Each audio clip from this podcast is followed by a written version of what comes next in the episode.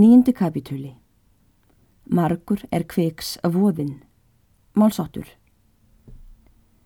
Við höfum í seinasta kapitúla hér að framann sagt frá svaðilförum Sigvalda Klerks er hann fór njósnarföruna til sögðahúsins. Hann hafði haft þar í toftinni vós mikið en ekki orðið að vísari um það er hann vildi vita. Slíkt vós getur fyrir gamlan mann oft dreigið illan dilk á eftir sér. Vefur hafði verið kallt um kvöldið og varð prestur innkulsa er hann lág svo lengi undir freðinu torfi í toftinni. Innkulsi fylgja oft yllir fyrunautar sem er hósti, höfuðverkur og beinverkir, köldusláttur og margir aðrir ótætis kvillar er oft og tíðum snúast í skadvæna sjúkdóma og leiða margan til bana. Eftir sögðahúsföruna hafði sér að Sigvaldi ekki all litla aðkenningu af sömum af þessum leiðinda kvillum í nokkra daga. En þó varð honum ekki þingra af sem betur fór. Því hefði hann fengið að bana meginn sitt þar í toftinni, myndum mér hafa orðið að slá botnin í söguna og þeir sem þá hefðu viljað auka sapn til sögu Íslands með æfi ágreipi um presta hér á landi myndu þá ekki hafa getað sagt mikið annað um prest þanna en það sem segir í stökunni um teit heitin og einning verður sagt um marga ennbættismenn og innifalið er í þessum fáu og kjarngóðu orðum skáldsins. Hann átt og dreit sem ég og þú, ekki veit ég meira. En þetta fór ekki svo, sér að Sigvalda var lengra lífs auðið og er því af honum gjör meiri saga en af teiti. Sér að Sigvaldi restist bráðulega en döfur var hann og fátalaður nokkra daga eftir toftarfurina. Mörg eru manna megin og ekki þarf ætið mikið til að gjöra mann ógladari en hann á að sér. Þess er fyrir skömmu getið að sér að Sigvaldi var óhustur nokkra daga eftir vosið í toftinni og verið gat að þetta hafi valdið ógleði hans. En þó var annað meira tilefni hans og var það engum það að honum hafði svo hraparlega brúðist vonsú er hann hafði um það að fá vissu sína um samdrátt þeirra þórarins og síðrúnar. Sumum kann að virðast sem slíkt væri ekki mikið ógleði efni en ekki getur oss svo virst því við vitum þess mörg dæmi að mönnum fellur oft þungt ef þeim bregst eitthvað, ef þeir hafa sterklega vonað eftir, þó lítið sé í varið. Og til þess að sanna söguvora viljum mér geta eins manns er við höfum þekkt, þó langt sé síðan. Það var bóndin okkur og bjargálnamaður. Hann átti sögð eitt mókollóttan og hafði bóndi mestu mætur á honum. Eitt sinn kom mókollur af fjalli og var þá þrjevettur. Hann var félegur og bragðilegur að sjá og fengulegur á velli.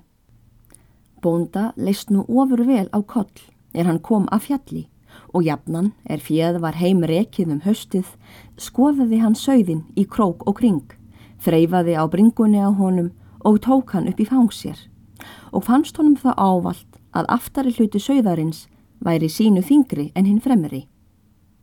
Skaði er að skera hann svona fallegan sagði bóndi við sjálfan sig, en á ég að trúa því að það verði ekki í honum góðir tveir fjólungarnir af mör ef ég sker hann. Hann gjörir í blóðið sitt, sá mókollotti. Viss halfur þriði í honum, ef ekki þrýr fjólungar, jón minn, sóðu allir sem þreyfuðu á söðnum og tóku hann upp. Þá skar bóndi söðin.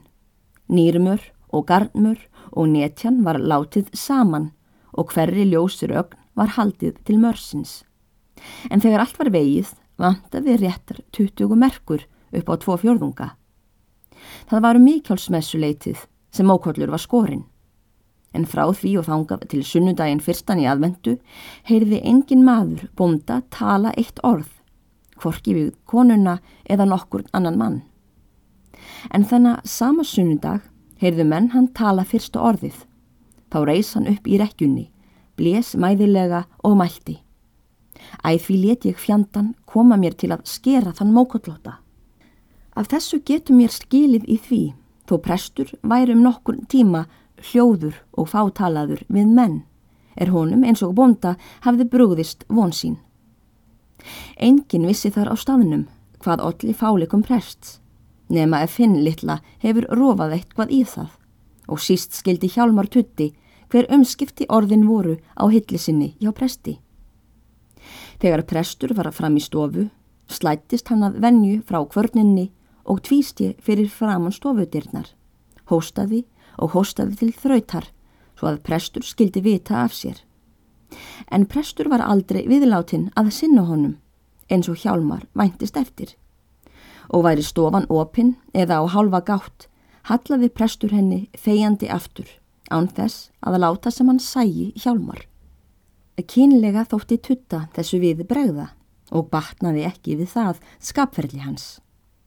Líða nú fram nokkrir dagar, en eitt morgun var það að tutti er rekin úr baðstofu og fram til kvarnar og skal hann sópa hanna.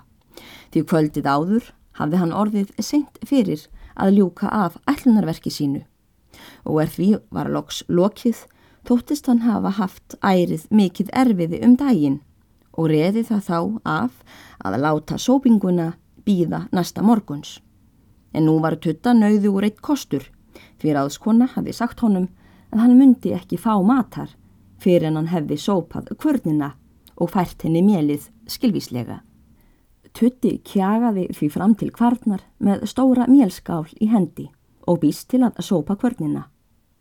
Hann var aldrei vanur að ganga svo að nokkru verki að hann eigi áður aðtugaði allt vandlega og byggi sig sem best undir eða rapaði svo að nokkru að hann hefði ekki hendisemi sína og hægindi og svo var enn setur hann nú fyrst mjölskálina á kvörnina og leggur í hanna sporð þann sem hann var vanur að hafa til þess að sópa með kvarnastokkin.